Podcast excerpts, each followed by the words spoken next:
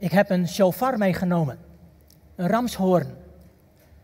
Is gegroeid op een ram en die wordt met name in Israël veel gebruikt. Juist uh, deze maand wordt er veel op de shofar geblazen. In de Oud-testamentische tijd is die shofar een instrument waarmee de mensen samengeroepen werden. Samengeroepen werden voor de oorlog of samengeroepen werden om te vergaderen, om dingen te bespreken. En tegenwoordig is die shofar vooral een instrument die een appel doet, een oproep doet. Maak het goed. Zodat je de Heer kunt ontmoeten, die koning en rechter is. En ook wij verwachten de Heer Jezus terug en mogen elkaar daartoe oproepen. Maak het goed voordat Hij komt. Ik heb deze geleend van iemand in Dokkum en ik heb 2,5 week ge geoefend. En ik kan u verzekeren, dit is een heel moeilijk instrument. Het lukt mij lang niet altijd om hier een toon uit te krijgen. Ik zal het proberen, maar het lukt vast niet.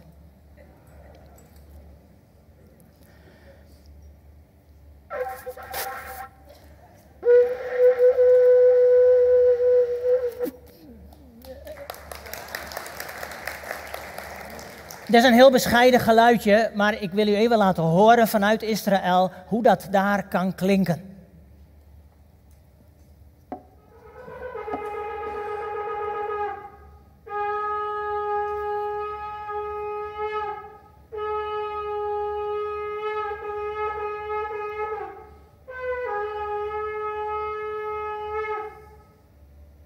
Kijk, dat klinkt al veel mooier. Elke shofar heeft zijn eigen klank. We sluiten de gebedsweek af vandaag. Nehemia stond steeds centraal elke dag.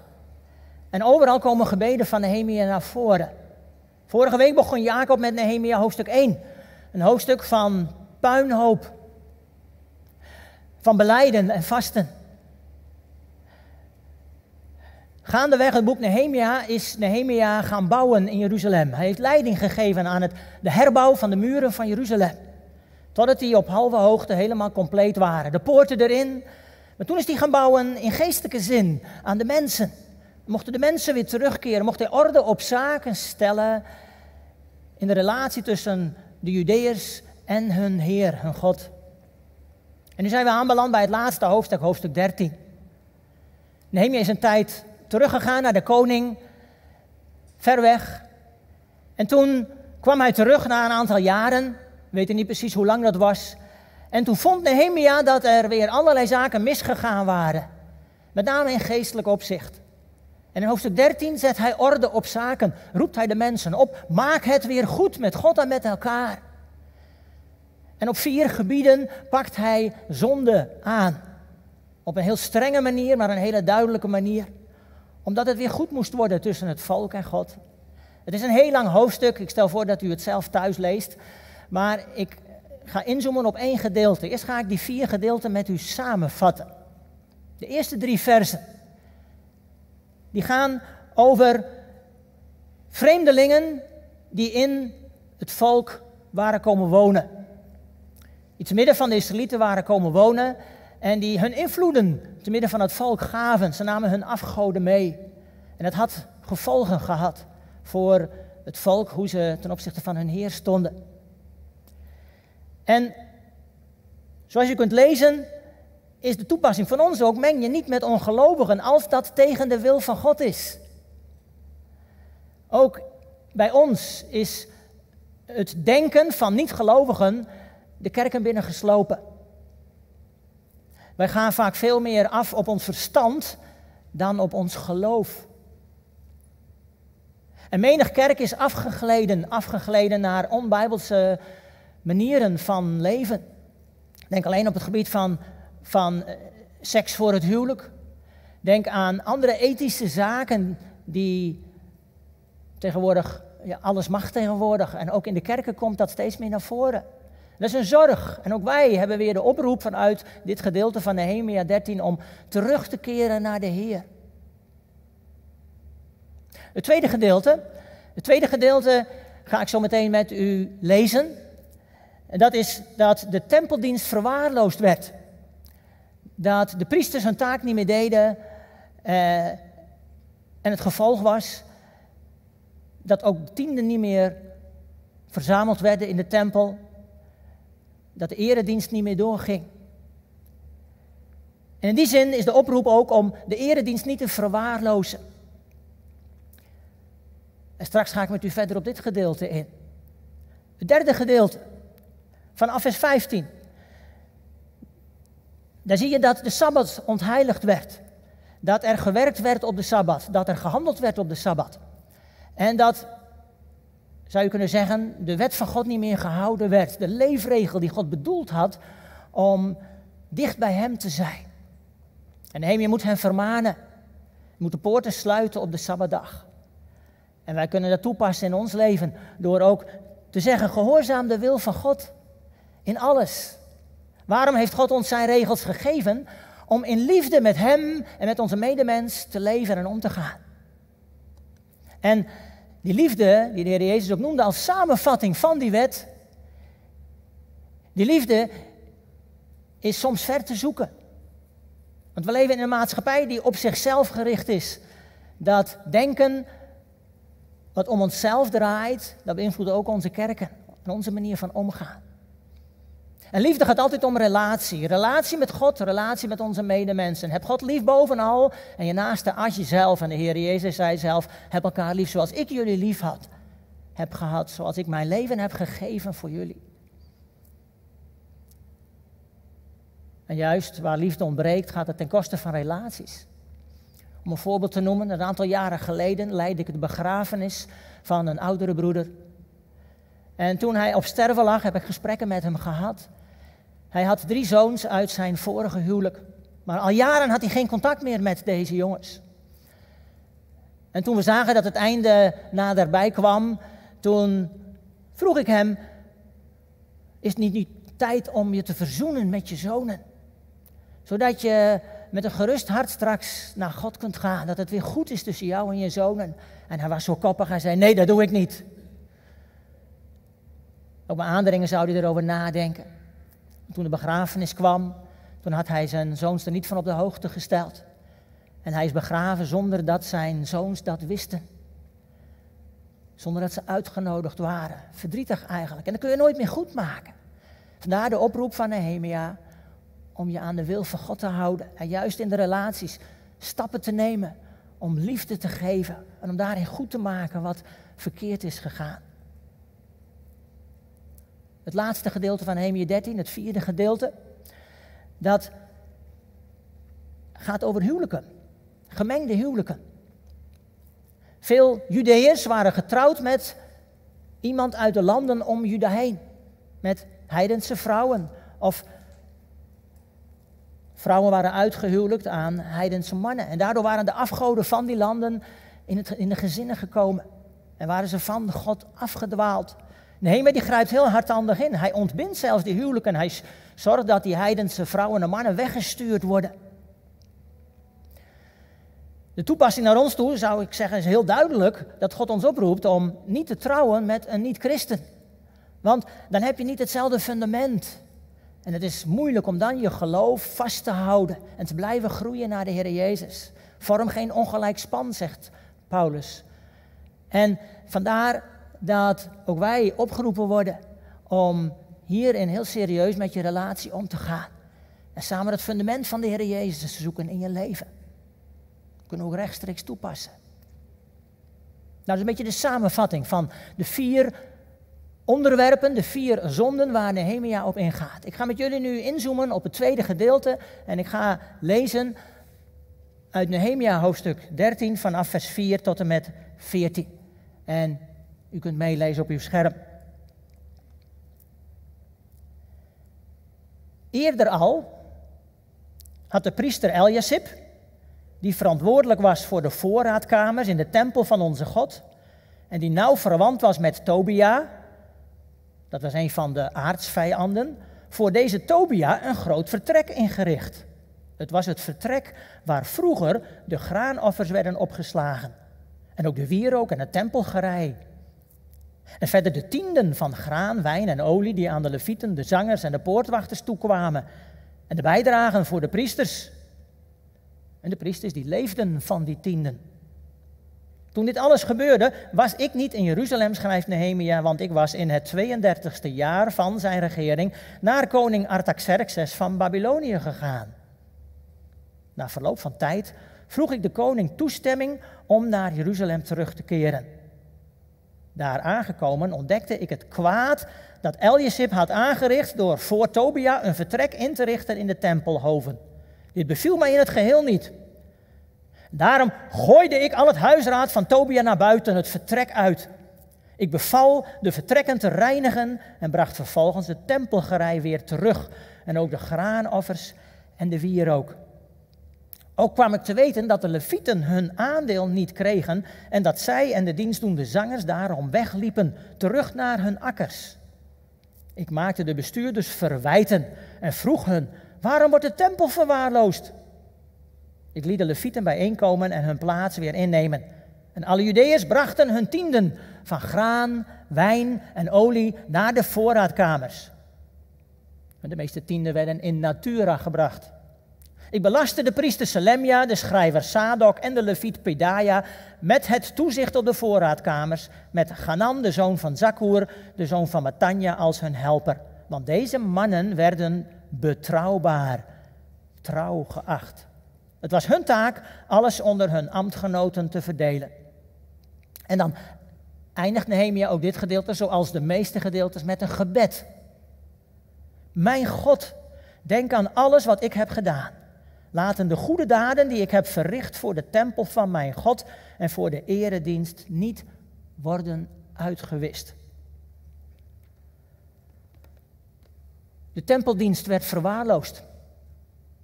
De tiende werden niet meer gebracht. De priesters gingen naar huis. Zo van, er is toch niks meer voor ons te doen. Het triest dat het allemaal zo verliep. En Nehemia, die gaat het weer helpen om te restaureren. Dat ze hun taak weer doen. Het is een zorg ook van deze tijd. Dat was het al voordat de corona er was. Dat steeds meer mensen weinig praktisch in de gemeente doen. Thuis blijven of weinig taken doen. Het gebed neemt langzamerhand af. En dan zitten we nu in de coronatijd. En dan is het nog moeilijker om kerk te zijn van de Heer Jezus. En dan mogen we elkaar oproepen, blijf toch geven. Van je financiën, blijf ook geven van je tijd aan de Heer. En nu is de zaal prachtig gevuld met jullie die allemaal gekomen zijn en die graag weer onder het gehoor willen zijn, samen willen zingen. Maar de meeste gemeenteleden die moeten thuis zitten. Maar ook in deze tijd is het zo gevaarlijk dat die dienst aan de Heer versloert. Dat veel mensen ook in hun relatie met de Heer het allemaal wat op een zachte pitje hebben gezet. Zoals onderzocht is, is dat een kwart van de mensen eigenlijk weinig meer verbinding met de kerk voelt en ervaart. Wat een uitdaging geeft God ons om als gemeente kerk te blijven. Ook in tijden dat we niet als kerk kunnen samenkomen. Dat je dan manieren zoekt. Hoe kunnen we dan er zijn voor elkaar en voor de mensen om ons heen? Hoe kunnen we dan laten zien dat Jezus een Heer is van, van iedereen en dat Hij wil dat mensen zich bekeren naar Hem? Het geeft ons nu veel meer verantwoordelijkheid om, om te kijken naar de mensen om ons heen. Om contact te zoeken met mensen in de gemeente waarvan je weet dat hij door zijn gezondheidstoestand eigenlijk niet kan komen. Contact moet afhouden. Wat een uitdaging om die principes die Nehemia hier geeft ook zelf weer in praktijk te brengen. Om vol te houden Juist als het moeilijk is om gemeente van Jezus Christus te zijn. En misschien komt er een tijd dat we helemaal niet meer kunnen samenkomen. En ook daarmee toeleven naar de komst van de Heer Jezus. Dat het steeds moeilijker wordt om Hem te volgen in deze wereld. Wat een uitdaging om dan vast te houden aan de Heer. En vast te houden aan elkaar. Op alle mogelijke manieren die we hebben. Ja, en wat heeft dat met de ramshoorn te maken? Volgende week vrijdag is het Rosh Hashanah. Dat is de nieuwjaarsdag in Israël. Dan moet ik eigenlijk zeggen de geestelijke nieuwjaarsdag. Op de eerste van de zevende maand. Maar ze vieren niet één dag nieuwjaarsdag, maar twee dagen. Dat begint vrijdagavond tot zondagavond. Zonsondergang. En waarom twee dagen? Omdat ze nooit precies weten wanneer de nieuwe maand begint. En de maand begint met de nieuwe maan. En de nieuwe maan is er wanneer twee mensen onafhankelijk van elkaar het eerste streepje van de maan met het blote oog hebben waargenomen. En zij vertellen dat aan de rabbijnen. En de rabbijnen die verkondigen dan het nieuwe jaar is begonnen. Dat niet precies van tevoren duidelijk is, of was moet ik zeggen, of dat nu op de eerste of de tweede dag is, hebben ze twee dagen Rosh Hashanah. Rosh Hashanah betekent hoofd van het jaar, het nieuwjaar. Nu berekenen ze dat natuurlijk met de computer, wanneer precies de nieuwe maan begint. Wij zijn het leven met de Bijbelse tijden zijn wij kwijtgeraakt. Wij laten onze tijd niet meer bepalen door de maanstand. We hebben vaste kalenders en onze dag begint 12 uur s'nachts, maar voor een Israëliet begint de dag bij zonsondergang. En bepaalt de maan de kalender van het jaar. Rosh Hashanah is de dag om je te bezinnen, om na te denken aan je relatie met de Heer. Het is het begin van een tiendaagse bezinningstijd op weg naar Grote Verzoendag, Yom Kippur. De belangrijkste feestdag in Israël. Iedereen doet er aan mee, gelovig en ongelovig. Yom Kippur. De dag dat je de Heer mag ontmoeten als de rechter, als de koning. En in die tien dagen voorbereiding is het om, om goed te maken wat niet goed is tussen de Heer en jou of tussen jou en je medemens. Zodat je die koning ook daadwerkelijk in je hart kunt ontmoeten. De andere naam voor Rosh Hashanah, voor de nieuwsdag, is Hayom HaShofar. De dag van de shofar. Oftewel, zoals wij het meestal vertalen, de bazuinendag.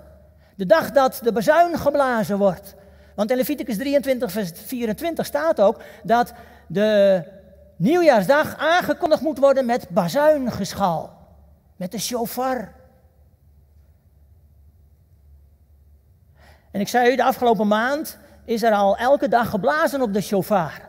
Om de mensen wakker te maken. Een wake-up call. Maak het goed.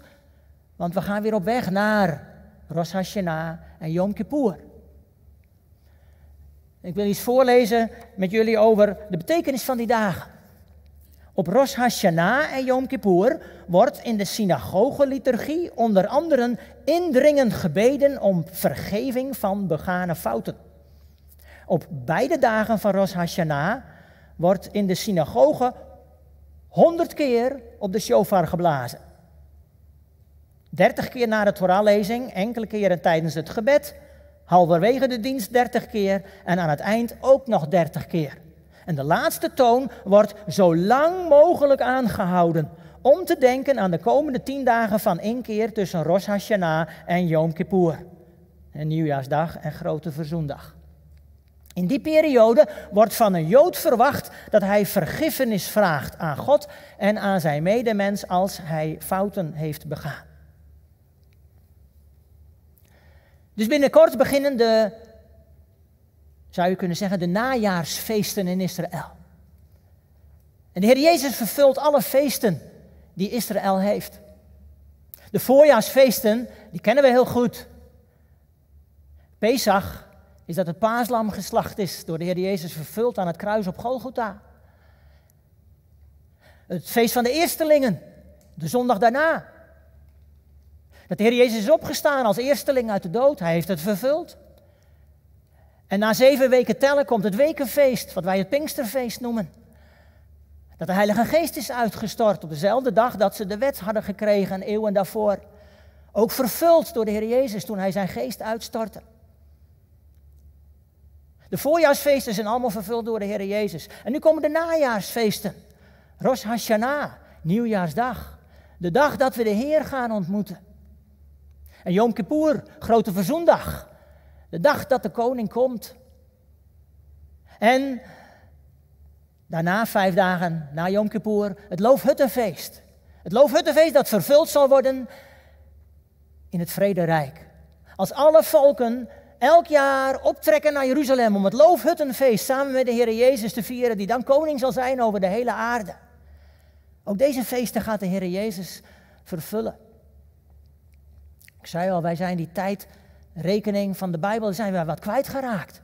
We hebben onze eigen data bepaald van de christelijke feesten.